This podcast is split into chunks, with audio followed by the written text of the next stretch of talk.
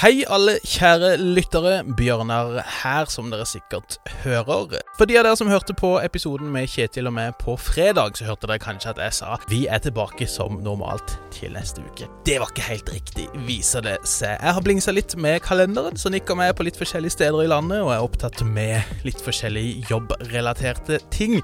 Så det blir dessverre ikke en episode denne uka. Den gode nyheten er at jeg i løpet av denne uka her skal ha en lang samtale med vår gode kollega Hilde Restad om hva i alle dager det er som skjer for noe i USA om dagen.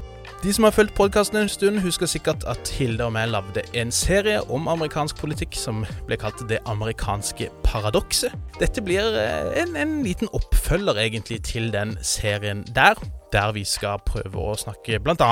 om disse 6. januar-høringene. Det er muligheter for at det kommer en avgjørelse i denne Roe v. Wade-saken om abort snart. Og det snakkes også om muligheter kanskje for ny våpenlovgivning etter nok en brutal runde med masseskytinger i USA.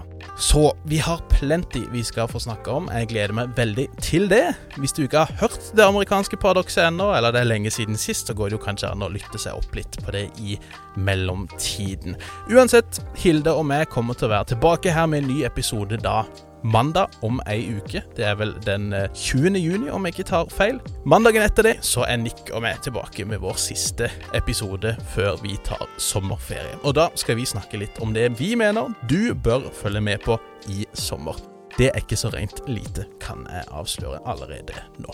Så vi får bare beklage at det har blitt litt sånn oppstykka i det siste, men vi er tross alt tilbake igjen førstkommende mandag 20. juni. Dere får bare ha en veldig fin uke frem til det, så høres vi igjen veldig snart.